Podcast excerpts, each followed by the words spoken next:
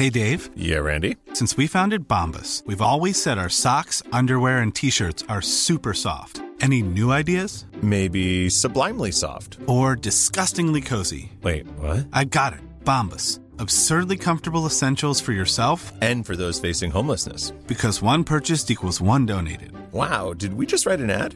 Yes. Bombas. Big comfort for everyone. Go to bombas.com slash ACAST and use code ACAST for 20% off your first purchase. Hey, it's Ryan Reynolds, and I'm here with Keith, co star of my upcoming film, If, only in theaters, May 17th. Do you want to tell people the big news? All right, I'll do it. Sign up now and you'll get unlimited for $15 a month in six months of Paramount Plus Essential Plan on us. Mintmobile.com slash switch. Upfront payment of $45 equivalent to $15 per month. Unlimited over 40 gigabytes per month. Face lower speeds. Videos at 480p. Active Mint customers by 531.24 get six months of Paramount Plus Essential Plan. Auto renews after six months. Offer ends May 31st, 2024. Separate Paramount Plus registration required. Terms and conditions apply if rated PG. I'm Sandra, and I'm just the professional your small business was looking for. But you didn't hire me because you didn't use LinkedIn jobs. LinkedIn has professionals you can't find anywhere else, including those who aren't actively looking for a new job but might be open to the perfect role, like me. In a given month, over 70% of LinkedIn users don't visit other leading job sites. So if you're not looking on LinkedIn, you'll miss out on great candidates like Sandra. Start hiring professionals like a professional. Post your free job on linkedin.com/people slash people today. Vänta! Vänta! André, Vander, hej, hej, hej! Kom upp igen! En ljuvlig stund verkligen, som utspelade sig i veckan. Vad är det vi hör? Lisa berättade för mig efteråt att Lena Endre fick någon sorts panik när jag gick av scenen. Och skulle ropa upp mig igen. Jag, jag förstod inte riktigt vad det var som pågick, men det var Alltså, roligt att höra den. Dramatenskolad Mm. ju. Så låter man när man ropar upp en Augustprisbelönt man upp på scen igen. Ja, men det här hände då efter ditt tacktal och att du sedermera numera har vunnit Augustpriset. Grattis. Tack. Var jag bland de första som skrev grattis?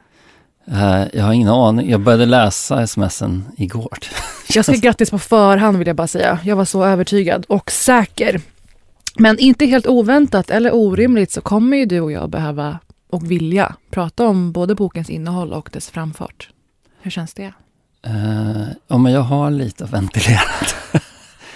alltså, jag vet inte om du har märkt det, men författare brukar inte ha något omedelbart emot att prata om sina böcker. Pratar om dig själv som författare redan. Ja, Det, nu händer det. Nu, ja nu är jag osäker för att det, ja, jag kan, det kanske har stigit mig åt huvudet. Men det, det är väl inte stiga åt huvudet att kalla sig själv författare när man I tredje person. Ja. Och vi kommer vilja prata i detalj också om handlingen, men det kanske kan få gå några avsnitt för att folk ska hinna läsa i kapp. För nu tänker jag att många kommer, jag tror att 800 000 kommer läsa boken nu efter priset. Eh, det tror inte jag. Det, det där är ju 1900-talssiffror. Mm. Så många människor läser inte böckerna. Ja. För det finns ju ett par saker jag inte kan svälja riktigt med boken. Jag håller på att skriva på en egen mini-uppgörelse, även om det inte är en uppgörelse egentligen. Um, men jag är mest nyfiken på först att höra, vad har det här halvåret gjort med dig som person? Uh, ja, det har varit väldigt uh, omtumlande. Det här, om du ska släppa en roman eller en bok så kommer du märka att det gör en hudlös på ett sätt som man aldrig har varit förut. Man blir oerhört lättkränkt. Man får plötsligt en helt annan förståelse för Björn Ranelid och såna, att han är så arg över det här Piratenpriset. Det är ju det roligaste som pågår i Sverige, att han är så kränkt över att han inte får det här Piratenpriset. Men nu när jag släppt en roman själv, så börjar jag känna så här, jag, jag förstår honom. Alltså det här, man blir så... Alltså man, man förlorar huden. Det är som att gå ut utan hud att släppa en bok. Och man, man tål ingenting. Ja, Men du, vad är det för Ranelidska tendenser du har fått? Ja, men att jag... Ja, men jag... Alltså alla författare mår ju skit när deras böcker släpps på något sätt. Men eh, det enda som skiljer Ranelid från de andra det är att han inte har några filter. Han vet inte hur man uppför sig. Alltså han, har, han är socialt handikappad. Det handlar inte om att han är att han är störd i det han känner, för det tror jag alla känner. Alltså, det, är också, alltså det är svårt med böcker för att det är så få... Det är nästan omöjligt att få betalt för det Mm. arbete du lägger ner på att skriva en roman. Så det blir att man får en underdog-självbild som man inte kanske förtjänar alltid. Ja, precis. Man konstruerar en underdog-bild av sig själv. Men du har också lagt ner liksom tusen timmar i en bok. Mm. Det, På eget bevåg, Ja. dock, ska sägas. men det är ju nästan ingen som får, om det nu finns ett mätbart sätt att få betalt, så är det nästan ingen som får det. Jag älskar att du tog upp det i ditt tacktal eh, och eh, ett tecken på vad det här har gjort med dig utifrån sett. För innan, du, jag har ju känt dig länge men professionellt. Vi träffades när du var AD på Aftonbladet första gången för tio år sedan. Oj, träffades vi då? Ja. Och eh, du var ju ett mysterium. Så, allmänt. Och du har nog varit det för folk, generellt. Och sen nu har du öppnat upp dig det här halvåret, blivit otroligt bekväm i eh, sammanhang. Lite för bekväm. Och jag märkte det även i ditt tacktal på då Augustpriset. Du börjar mingla mitt i tacktalet. Vi ses igen. Den här gången ska jag inte få corona. Ja, nej. Fick du det sist? Ja, det, var, det tar vi sen. Det sa vi sen. Så, varsågod. Låt mig säga, jag kan återkomma senare. Jag ska redogöra för den här.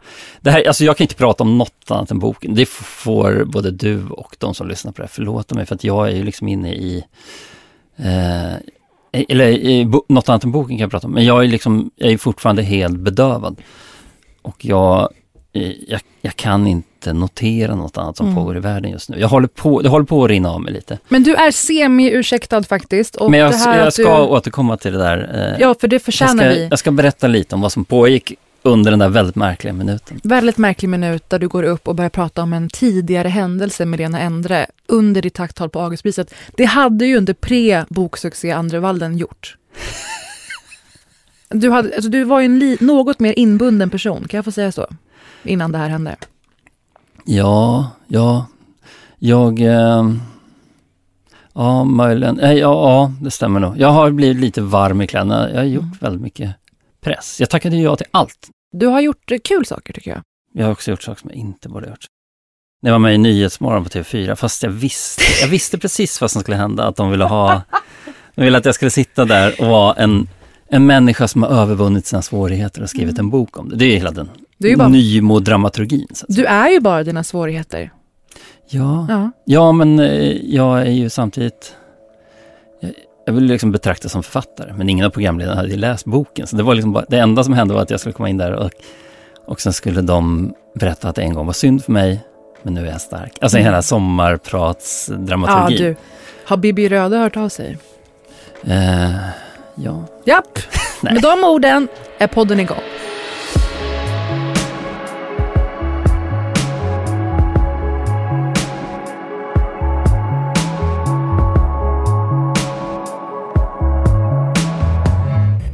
Prata en liten stund om varför podden heter Helvete? Det det, jag. det känns som att människor kommer undra. Något. Eh, det, jag har ju varit egentligen eh, medrivande i att den ska heta Det, det Helvete. märkligaste med dig, det är ett antal saker. Men det är att du först går ut med en anda av att jag har inga starka åsikter. Självutplånande och sen har du de starkaste åsikterna. Helvetet är ju din konstruktion, men jag eh, delar dina känslor. Ja, men du sa ju till mig från början, Mm. Vi måste starta en podd. Jag, jag saknar av podd. Hur länge sedan var det du och Britta Zackari hade podd? Ett halvår. Ja, du saknar av podd. Du måste ha någonstans att lägga dina åsikter. Så att säga. Ja. Jag får Och- ju inte göra det i mina andra uppdrag riktigt, så det är Nej. det. Mm. Och då sa du till mig så här, jag, jag måste ha någonstans att tycka. Mm. Och då sa jag, för du undrade om vi skulle starta podd då ihop. Mm. Och då sa väl jag att eh, det är ju helvetet att behöva leverera åsikter. Men jag är ju också kolumnist. Vilket du gör varannan vecka på ledarsidan i Dagens Nyheter. Mm. Ja. Eh, också, och då skulle jag då liksom utöka det helvetet, att Ja. behöva tycka saker. Mm. Så att jag, kan inte, jag kanske inte kommer tycka så mycket här heller. Nej. Men det var så då, det var väl där det började. Ja, men Mm. då kanske den ska heta helvetet. Sen är, ha- har det att göra med att, att jag hatar den tid jag lever i. Men det gör väl du också? Ja, så helvetet är ju dels då samtiden, dels att behöva vara i samtiden. Men det är också, vi kommer att prata om eh, glädje, alltså lustfyllda saker. Tv-serier, filmer, böcker. Men ändå ett visst mått av helvete där. Hur ska man hinna allt Ja. man vill ta del av? Så jag tycker det passar bra. Ja, jag tror att det kommer kännas helt naturligt. Mm. Du några får avsnitt överseende några avsnitt, ja. Men eh, vi kan väl säga som så att eh, välkomna till helvetet. Varmt välkomna. Ja, varmt välkommen hemma i tält förstås.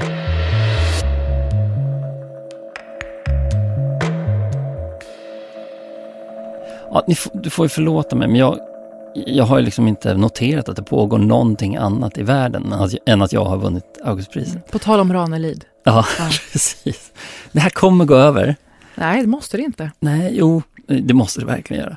Men just nu så jag, jag är liksom fast i, i den här, de här, det här ögonblicket när jag vann. Jag är liksom fastnat. Det är som att jag, ja men du vet som man, eh, för att använda en liknelse från romanen, att man är, man är under vattnet i bassängen på Mm. badhuset och hör alla andras röster där uppe. Det är som att hela världen har saktat in och blivit mumlig där uppe. Mm.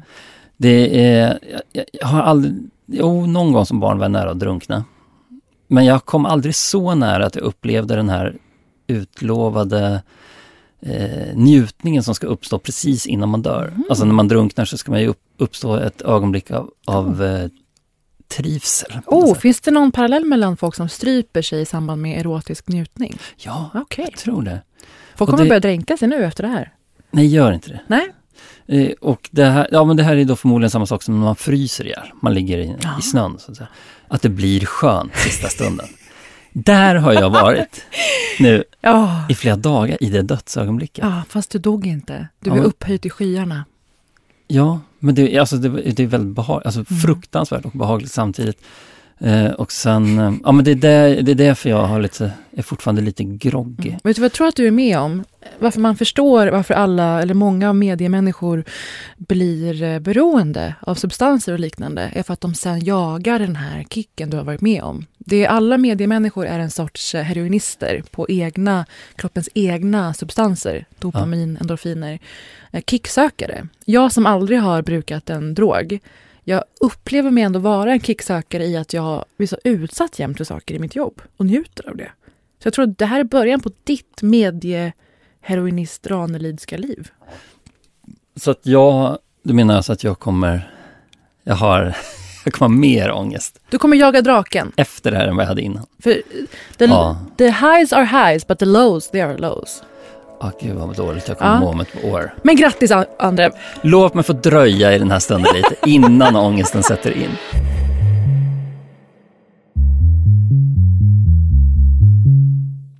Ja, nu måste jag få prata om det här, det här som hände på den här Augustgalan. Det var så, jag vill prata om den märkligaste minuten i mitt liv. Eh, den här minuten som börjar när Lena Endre står och ska sprätta kuvertet. Mm. Eh, och eh, jag är ursinnig just då. För att sista två dagarna innan Augustgalan så har människor, vissa människor lyckats lura i mig att jag har en chans att vinna. Mm. Däribland jag. Ja, du försökte lura i mig det. Och eh, ja, men även förlaget har sagt att du skulle kunna vinna det. Mm. Och där sista två dagarna så började jag tro på det. Men du började ta ut ett raseri i förskott. Ja, jag var så arg på de som hade lurat i mig där. Mm. För att de liksom, eh, för nu skulle jag bli så ledsen. Mm. det liksom var helt oundvikligt att jag skulle bli ledsen. Eh, och det var så onödigt. Jag trodde ju inte på det förrän de lurade mig. Mm. Att de skrev i tidningen dagen innan, alltså experter som uttalade sig om att jag var favorit plötsligt. Är ni inte kloka? tänkte. Ja, ja, det var inte det som var det märkliga. Den, eh, den här märkliga minuten innehåller fyra märkligheter. Mm. Och nu ska jag berätta om den första märkligheten.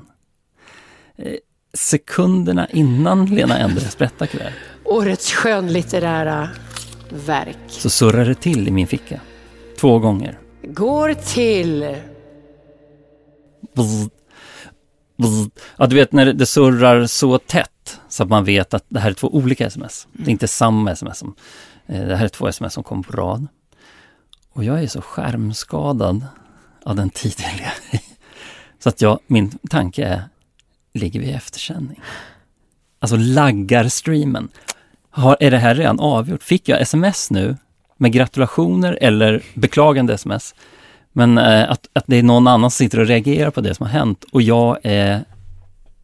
Jag ligger efter. Förstår du vad jag menar? Att livet inte känns live.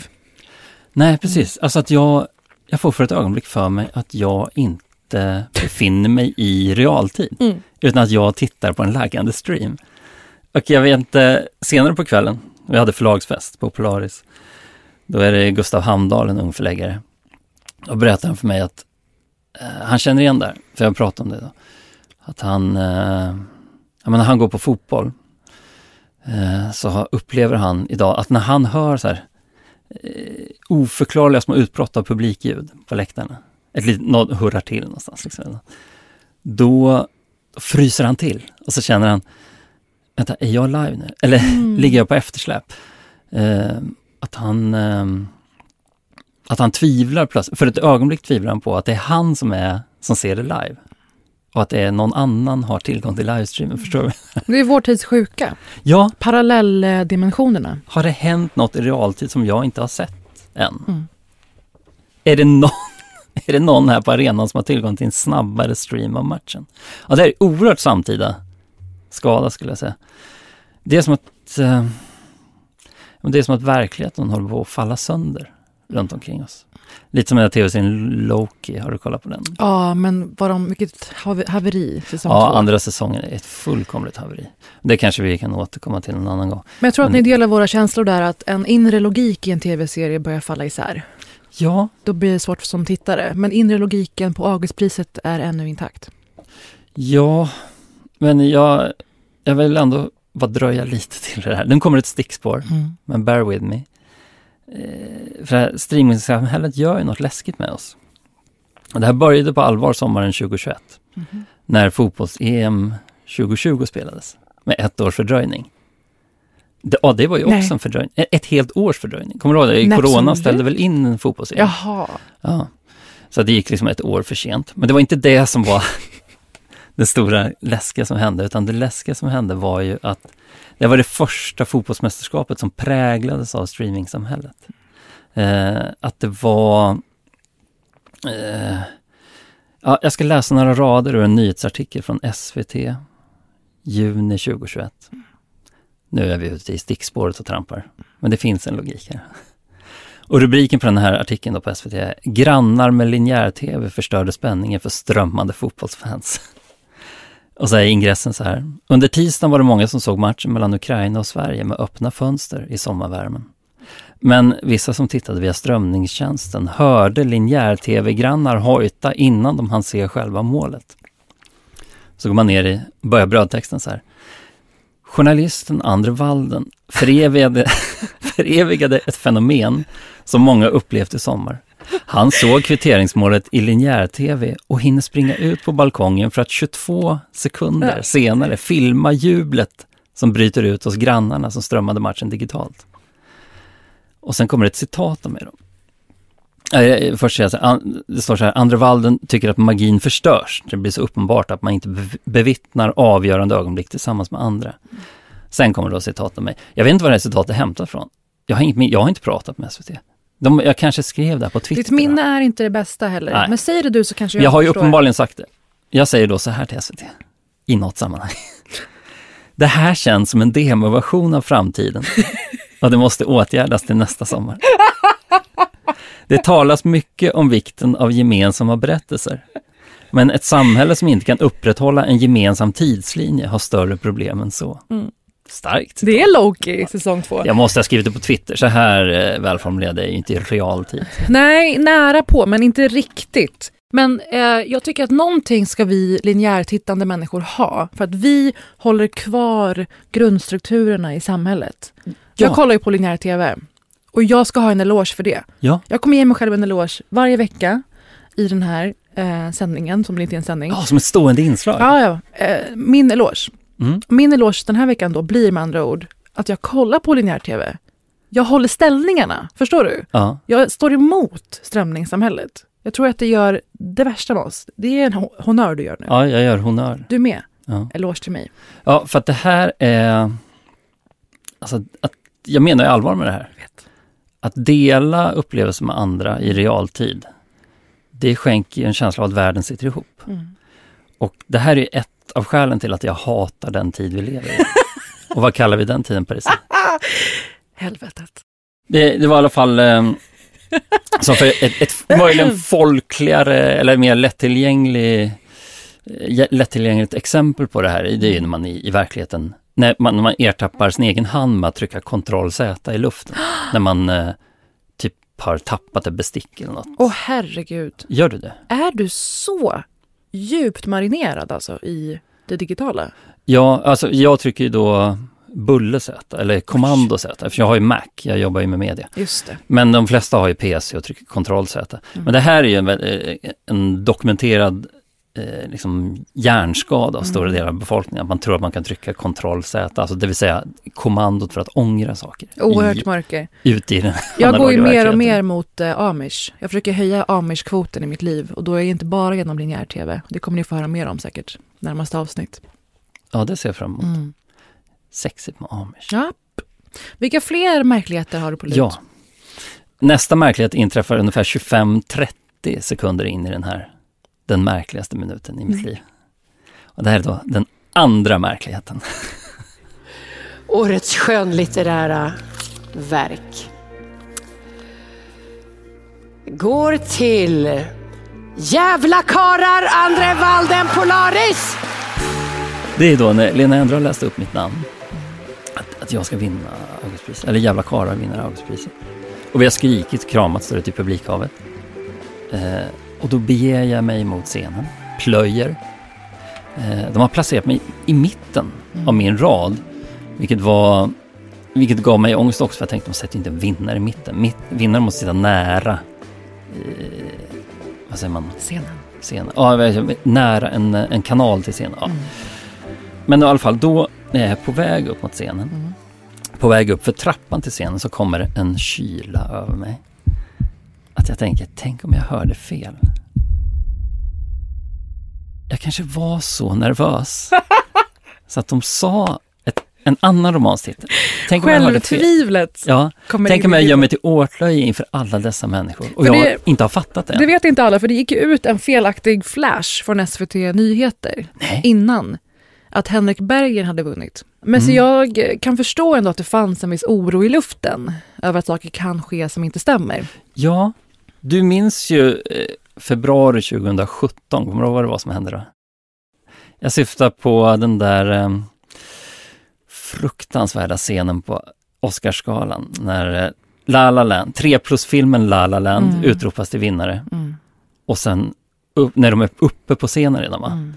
så då kommer de på att det är 3 plus-filmen Moonlight som har vunnit. Det är fem plus filmen av Barry Jenkins, Moonlight, som har vunnit. 3 plus-filmen Jag Moonlight har Sitter vunnit. i en tv-studio på TV4 på Gärdet antagligen och live-rapporterar Oscarsgalan.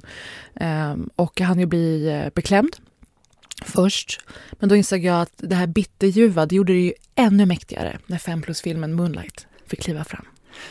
Ja, jag brydde mig inte så mycket om Mm. huruvida det var 3 plus-filmen La La Land eller 3 plus-filmen Moonlight. Men du hade varit tre plus-filmen La La Land i sammanhanget. Och vem hade varit fem plus-filmen Moonlight, som egentligen hade vunnit då? ja, jag hejade ju på Arrival, Herregud. Fortsätt. 5 plus-filmen Arrival. Herregud, fortsätt.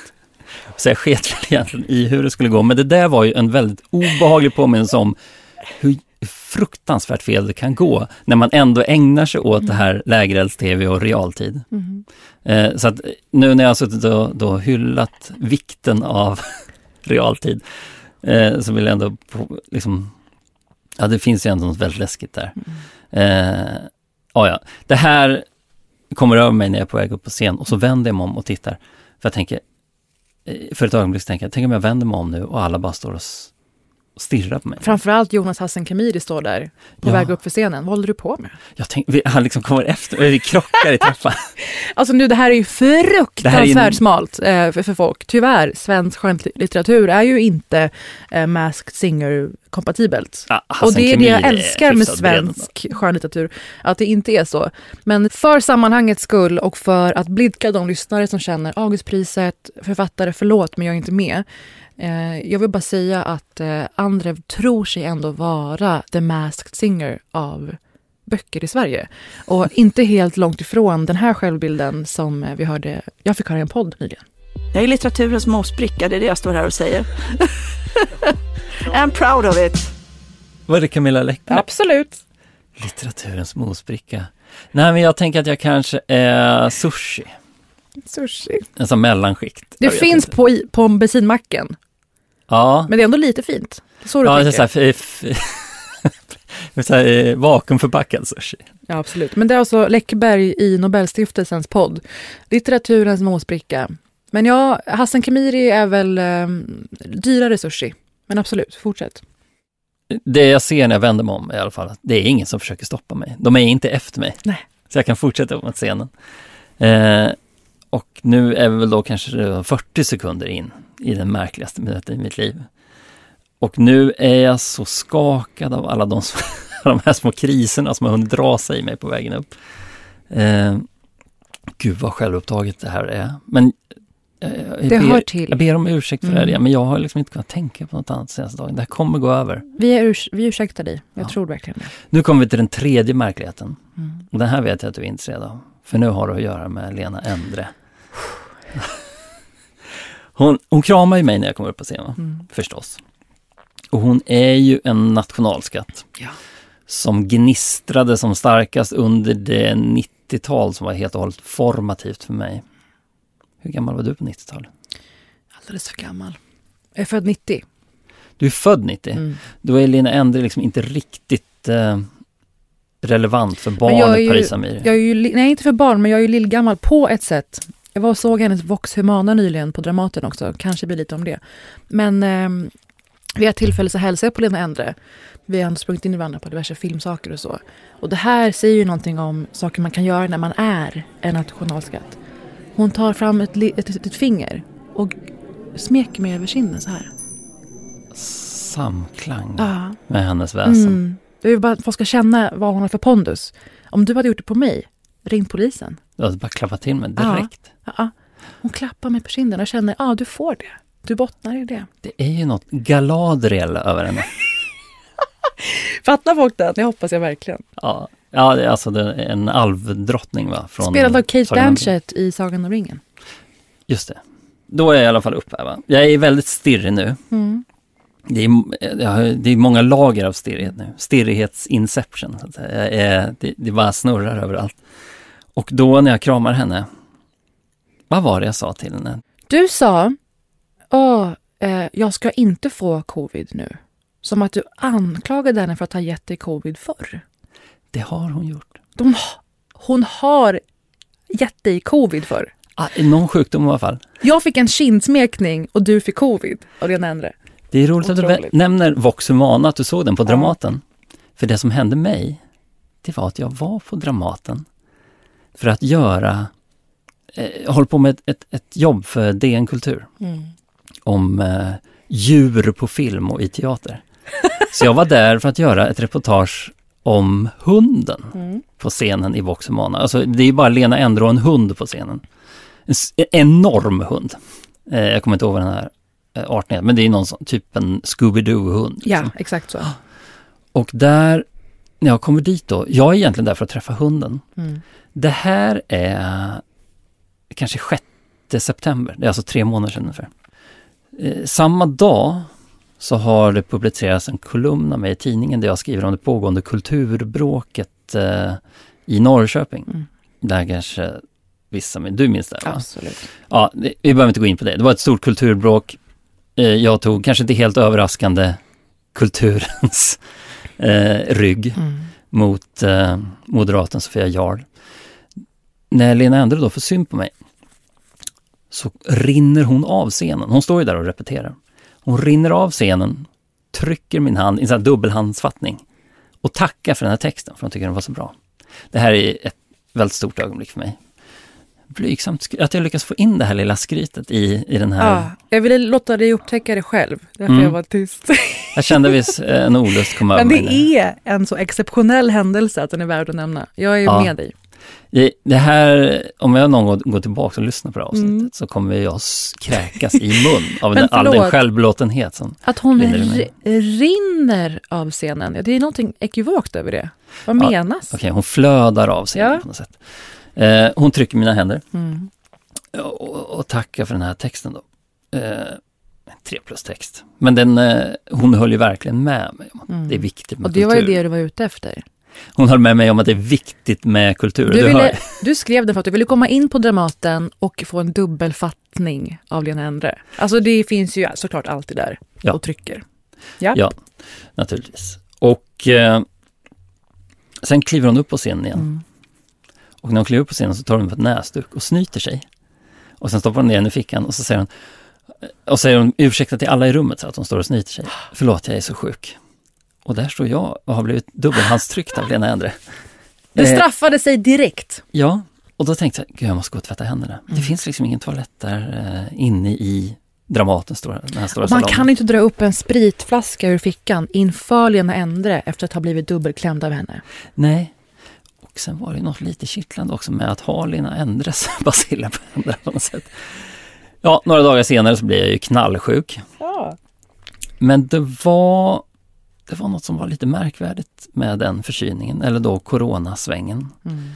Och det var väl det att jag hade en liten bit av Lena Endre i mig. Mm. Förstår du vad jag menar?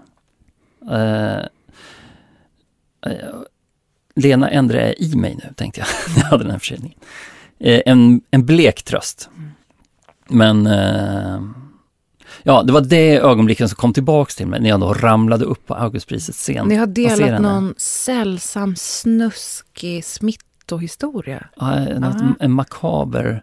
Det känns som att vi hade gjort något. Jag vet Ja. vad du menar. Men det roliga är att hon är ju inte medveten om att hon har gett dig corona. Nej, det är i helt fel ögonblick att börja ga- dra upp den här historien. Det är udda, men det är inte fel. Det är udda.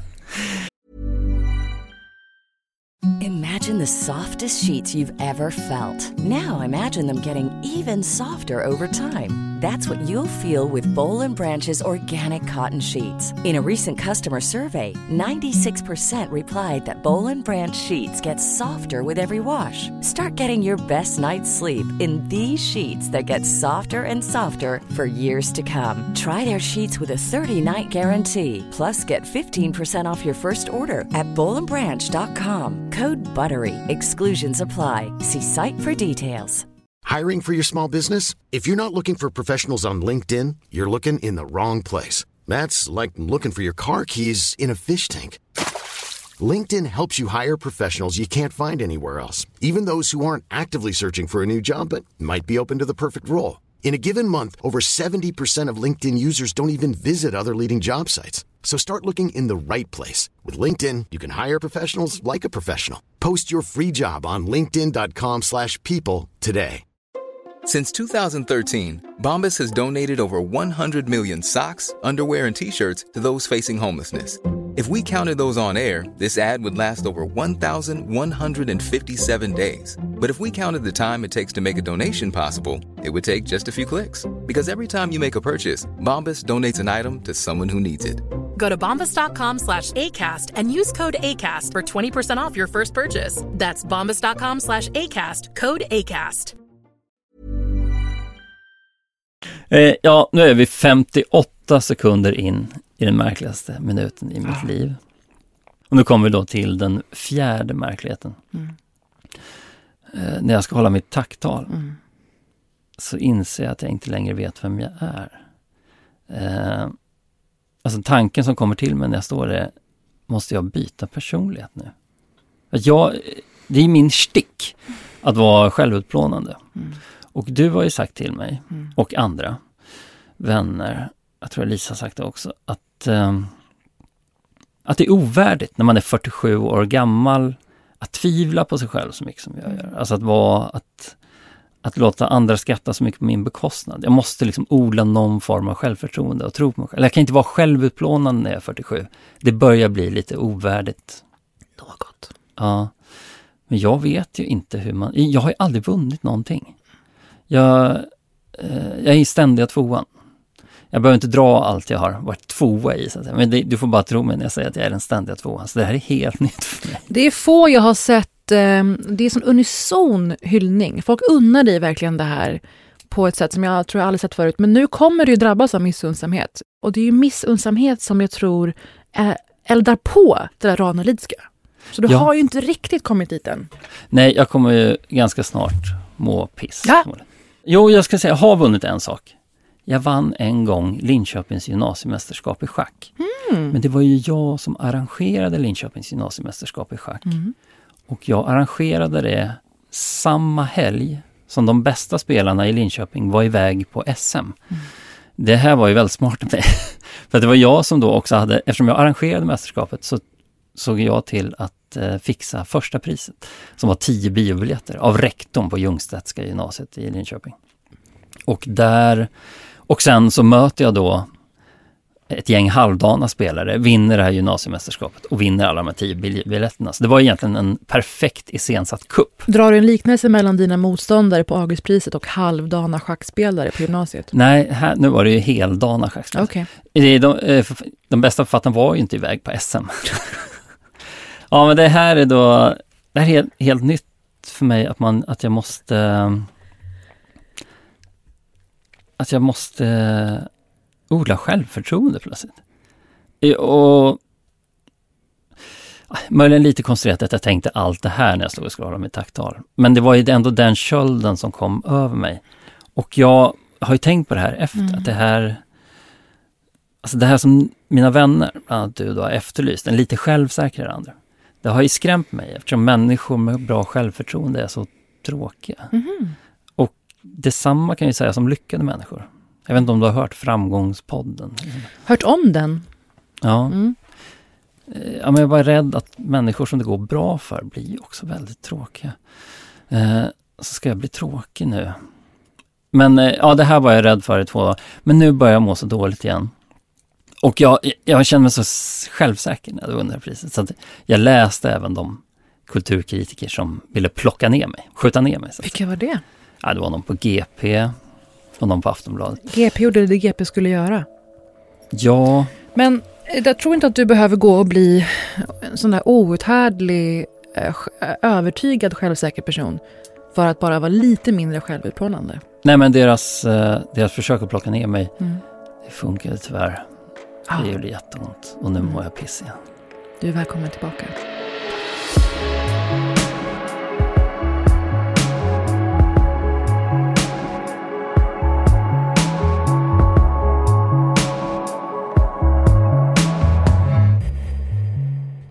Har din fru tatuerat in jävla karar-loggan än?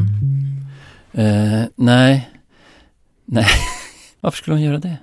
Mm, för att hon är ditt största fan, förmodligen. Ja, det är hon faktiskt. Hon har varit underbar i att um, man måste ha människor runt sig som inte uh, alltså kan vara hårda mot en. Det är hon bra på. Men är ni långt ifrån det här som jag såg på Instagram? Eh, är det Karina Bergfeldt? Mm. Ja. Vad är det för bild då? Det är en man. Det är hennes man. Är det hennes man? Ja, det kanske jag kunde ha gissat mig till. Han har tatuerat in ett C med en siluett i.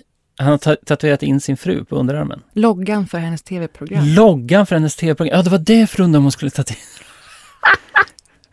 det är inte jättesnyggt. Berätta, hur långt ifrån är ni att göra det här och skulle du vara okej med det?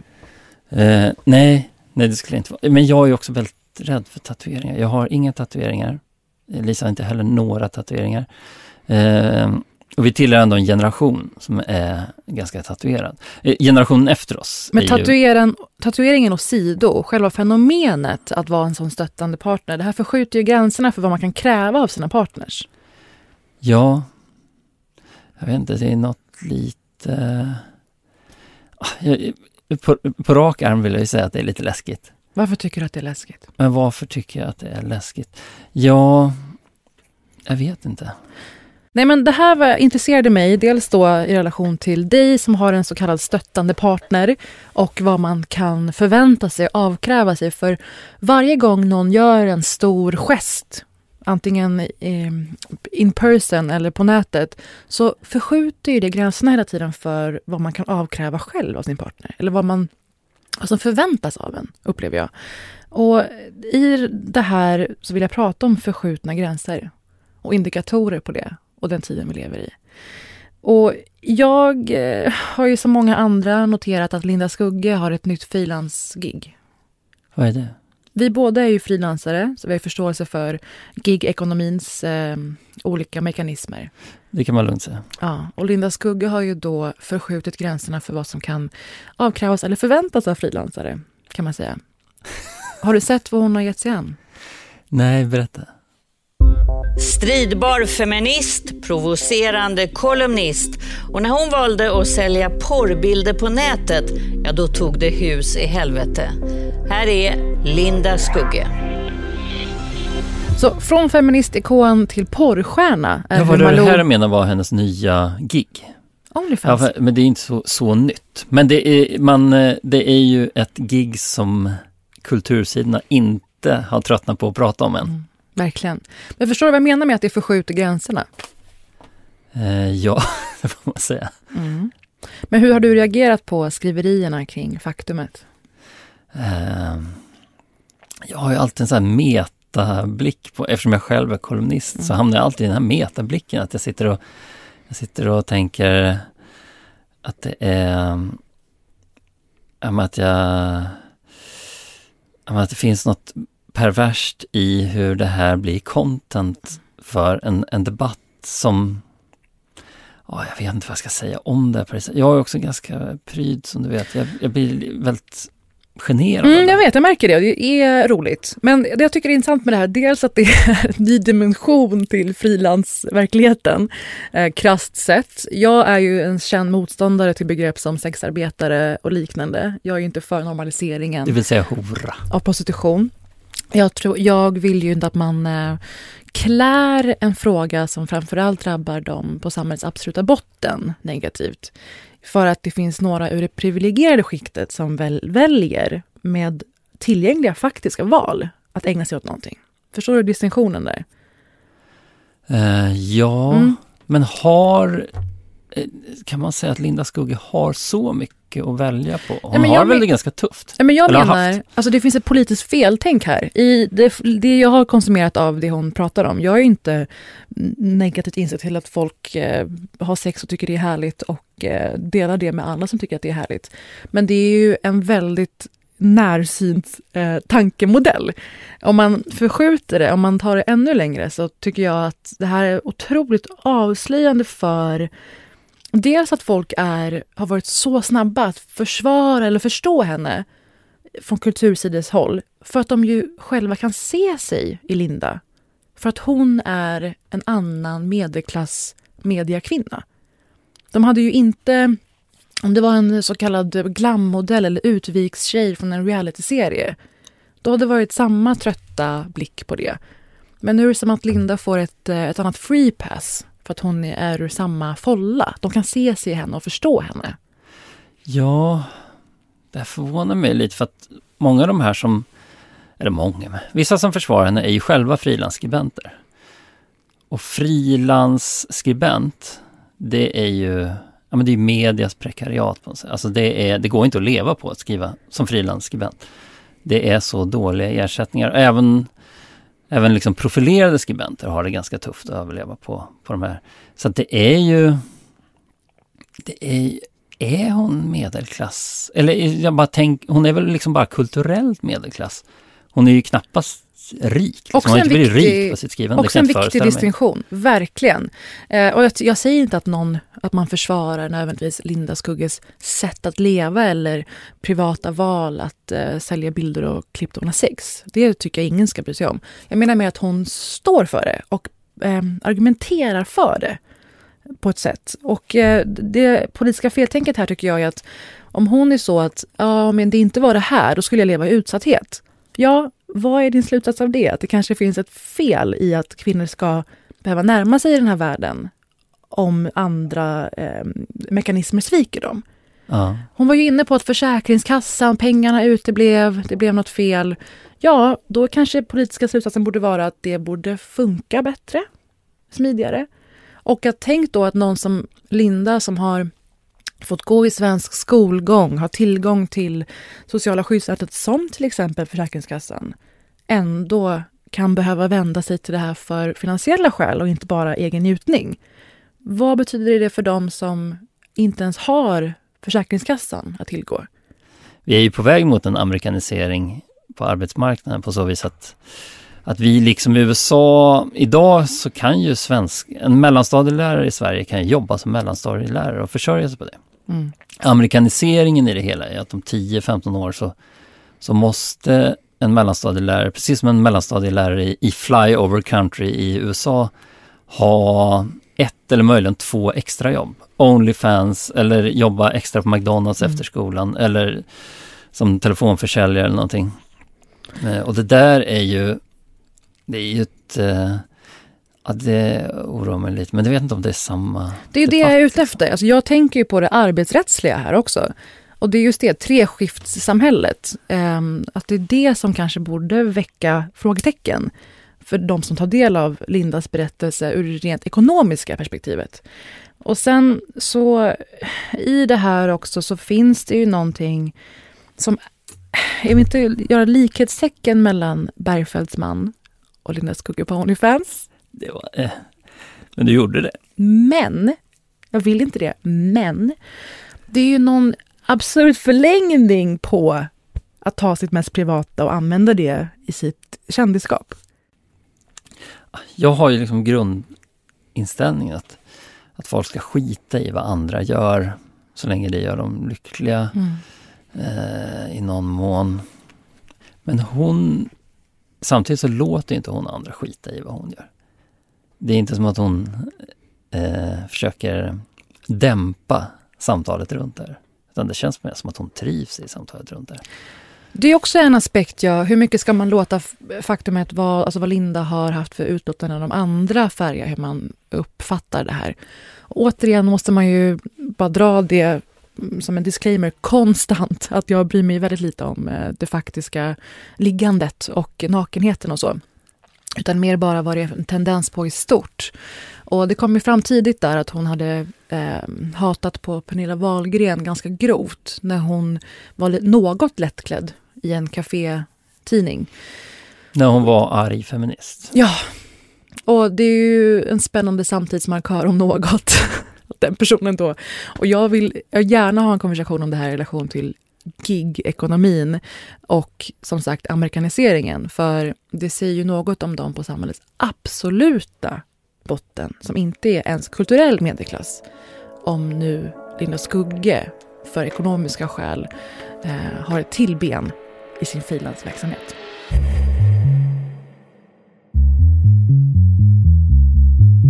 Vidare om förskjutna gränser. Eh, du har ju hört talas om kändisupproret, som det av någon anledning började kallas. Ja, det hade med gaser här. Ja. ja. Jag tycker debatten om det som kommer att kallas kändislistan är otroligt avslöjande. Eh, och jag tror att tyvärr att många kommer akta sig för att våga uttala sig om någonting efter det här. Det är ju en tråkig tendens tycker jag, att om man är så hård mot folk att de då inte kommer vilja ens ta ställning för så här, dåligt med barn som vräks. Ja, men det, dit är vi väl på väg. Det är ju en det är ju en dimension av att leva i helvetet på jorden som gör att man, eh, vad ska man säga, all medmänsklighet ska förlöjligas. Sen var det ju, det är ganska lätt hånat också, det var ju ganska löjligt. Men, eh, men det finns ju, överlag mer oroad över den här tendensen att, att, eh, att upprop på medmänsklighet eh, ska förlöjligas än vad jag är oroad över att det sker. Det gör ju ingen skada att kändisar oroar sig för barn som bombas ihjäl. Och nyhetspanelen på Nyhetsmorgon, den är du bekant med, för att du är ju en Nyhetsmorgon-person numera. De kastar ju in olika personer som käbblar, kommer med olika folkliga takes på aktuella frågor. Och eh, på tal om förskjutna gränser, det, har, det säger också någonting eh, när ett speciellt ord har hamnat i munnen på en tidigare VD på SVT. Jag pratar om Eva Hamilton. Kommer du ihåg Eva Hamilton? Ja. Ja. Eh, och det är vissa ord, man märker hur de letar sig in. Och jag måste säga att jag hajade till att det här hade då hamnat i hennes medvetande och nu sedermera i hennes mun. Se om du hör vilket ord jag reagerade på. De behöver liksom inte ens ha satt sig in i frågan. Och jag tycker det är liksom bara någon sorts godhetsmarkör. Titta vilken fin människa jag är. Ja, det var inte så svårt att hitta ordet där.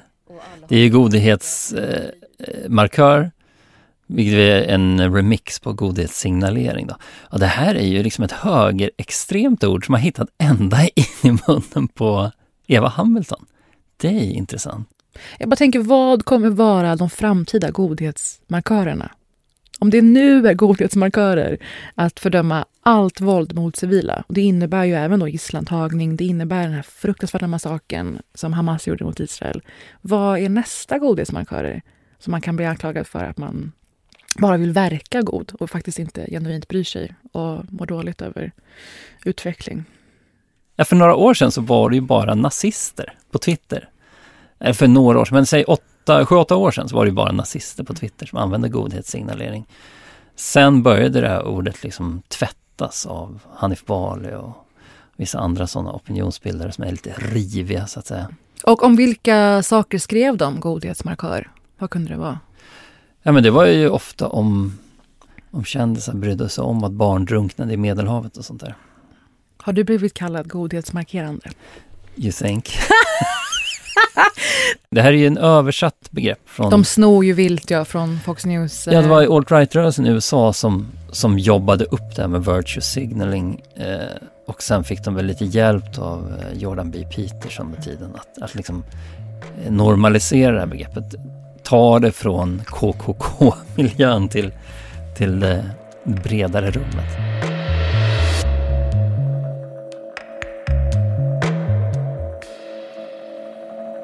En annan förskjutning den här veckan var ju då att Jimmy Åkesson på årsdagarna sa att han vill kunna stoppa och riva moskéer. Och sen kom det om de gjort sig skyldiga till vad han menar är radikalisering, eh, svenskfientlighet och liknande. Eh, men då riv moskéer fick ju fötter kan man verkligen säga. Det var nog lite av tanken. Mm. Eh, ja, de är ju duktiga på att flytta gränserna en, en liten bit i taget. För nu känns ju det här helt makabert. Att, han säger det här. Och folk reagerar ju och blir jätteupprörda. Mm. Och sen om ett halvår så är det mainstream. Liksom. Det är ju det, det är hela tiden. upprördhet biter det verkligen, börjar känna. För att eh, Johan Persson, Ulf Kristersson låtsas bli bestörta. Det här är ju redan kända åsikter. Jag tror att det är med i er allra första SD-partiutkastet. Ju. Ja, alltså den, den borgerliga regeringen har ju legitimerat synen på, på muslimer som eh, ett sorts eh, ett hot mot civilisationen. eller, eller liksom ett, någon sorts trojansk häst. Den här trojanska hästteorin som är också en sån här gammal en högre extrem tankefigur som nu är helt mainstream. Och att en grupp målas upp som antingen definitiva eller potentiellt livsfarliga fiender, det kan ju också slå hårt mot den gruppen. så att säga. De kan bli isolerade, utfrysta, eh, bli fördömda, förlöjligade i sina vardagliga civila liv och såklart bli utsatta för dåd. Olika alltså hot och våld. Och då uppstår oreda. Man behöver inte bara prata om Nato och Erdogan för att det här ska vara allvarligt. Och jag blev förvånad när Magdalena Andersson som ska vara oppositionens största röst. Det hon väljer att fokusera på är att NATO-medlemskapet är illa ute. Sverigebilden.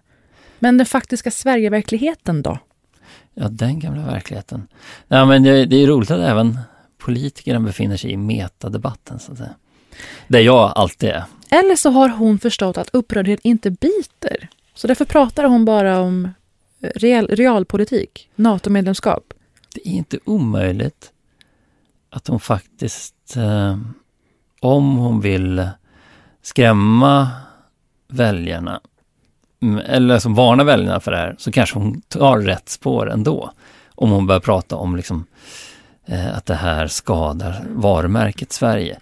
Jag tror, jag är rädd att vi är där, det där, där den taken är mer effektiv än eh, taken eh, riv inte moskéer, så att säga. Alltså sympatigreppet är inte längre, funkar inte längre politiskt eller medmänskligt. Nej, inte där är väl liksom i pendelrörelsen att det är värt väldigt lite just nu. Och vidare på förskjutna gränser, veckans sista då. Eh, vill du spela en ny trailer, producent Erik? Oh, hell no! Det här låter som något för mig.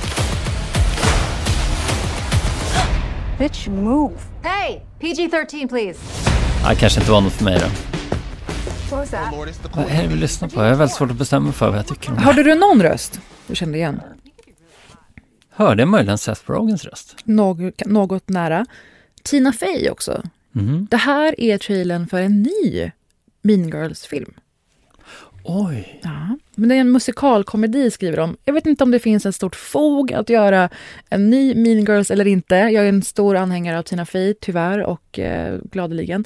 Men det jag är intresserad- intresserad av här är ju begreppet Mean Girls. Jo, jag har hört begreppet, men jag vet, det är precis som det här begreppet eh, sad girl, att jag vet inte riktigt vad det betyder. Du kanske kan förklara de begreppen som är så ung. Mean Girl kan man säga är någon som, men som hur tjejer mobbar och hatar varandra och driver varandra till vansinne. Att det är någon slags ja, men mobbingkultur helt enkelt. Ja, ni är ju helt galna. Det är så.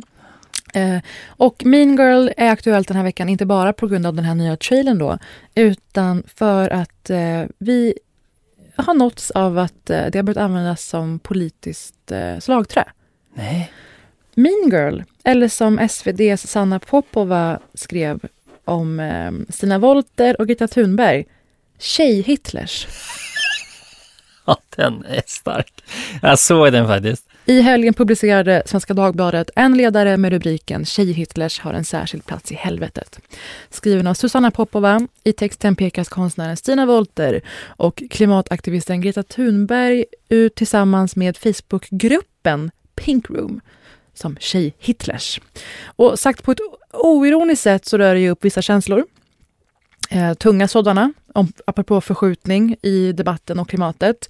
Men sen också att ska Tjej-Hitler vara en sorts mer harmlös typ av Hitler? Ja, men det är ju... Det är dubbelt kränkande på något sätt. Ja. För Tjej-Hitler. Tjej-Hitler, det har vi ju, det är Marine Le Pen. Ja, det är tjej. Ja, men hon menar ju inte det. Hon menar att det finns en sorts mer harmlös eh, Tjej-Hitler som får passera. Jag kommer att tänka på att företaget Bic gjorde en tjejpenna. Kommer du ihåg det? Och då blev det ju världens rabalder. För de nätta, svaga handlederna så kom en tjejpenna. Så da- som damsadel. Ja. Det är en egen kategori av saker som inte ska vara för svårt för tjejerna att hantera. Alltså Tjej-Hitler hade ju fryst ut judar och fått dem att svälta sig själva av ångest, av social utfrysning. Det var som en Tjej-Hitler. Ja, alltså. Mean Girls Hitler. Mean Girls Hitler. Mm. Tjej-Hitler hade spridit rykten om judarna, att de legat med någons pojkvän och då fått dem förskjutna ur samhället. Just det, ja. Jag vet inte, tjej-Hitler hade väl ja, tvingat judarna att jobba övertid jättemycket. Men så Tjej-Hitler är också nu en del av vår vokabulär. Den satte sig direkt. Ja. Men den har ju någonting. Tycker du? Ja. Mm. Ja, du är ju lite tjej-Hitler när du kör med vår producent Erik här. när han ska dra igång klipp till exempel. Du, vet du är? Jag har du, aldrig sett någon peka med en rakare arm när saker ska sättas Det är igång. så programledare gör. Alltså hur det här har vänt nu är att jag numera är tjej-Hitler. i Lite andras tjej-Hitler ögon. Otro, lite tjej-Hitler är du. Nej, nu alltså är vi i ett tillstånd av att tjej-Hitler, godhetsmarkera, riva moskéer och um, Onlyfans som frilanssupplement. Välkomna till helvetet.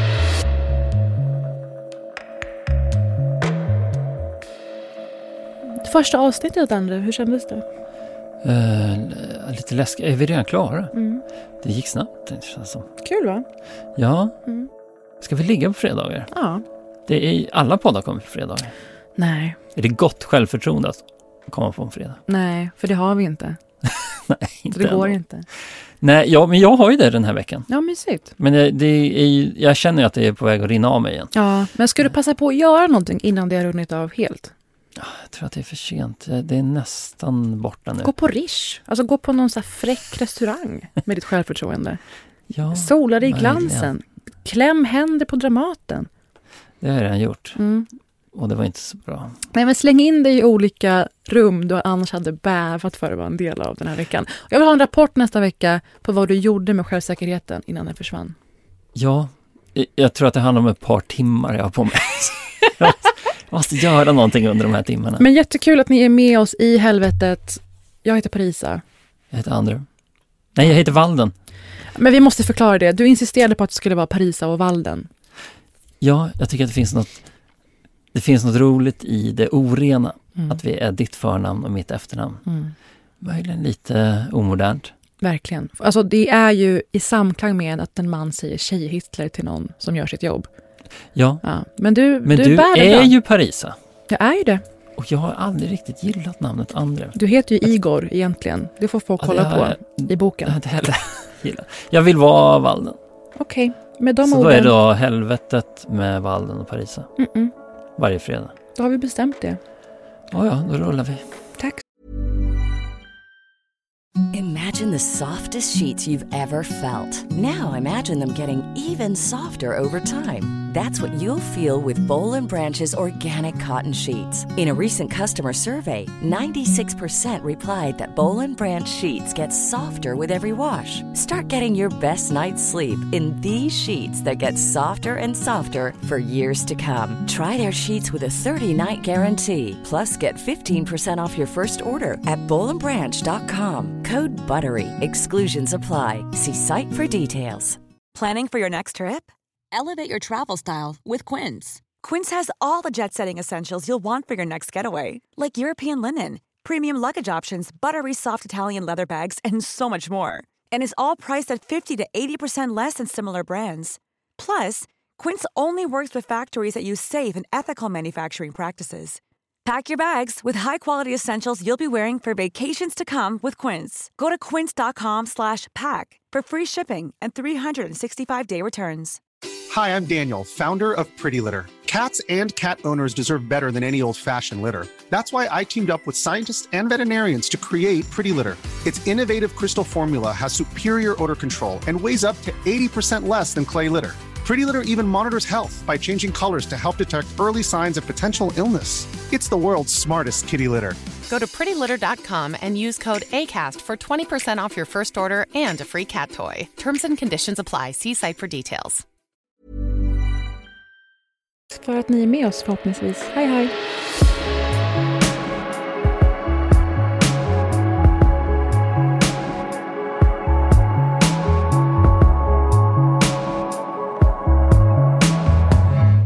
Den här podden görs med Munk Studios.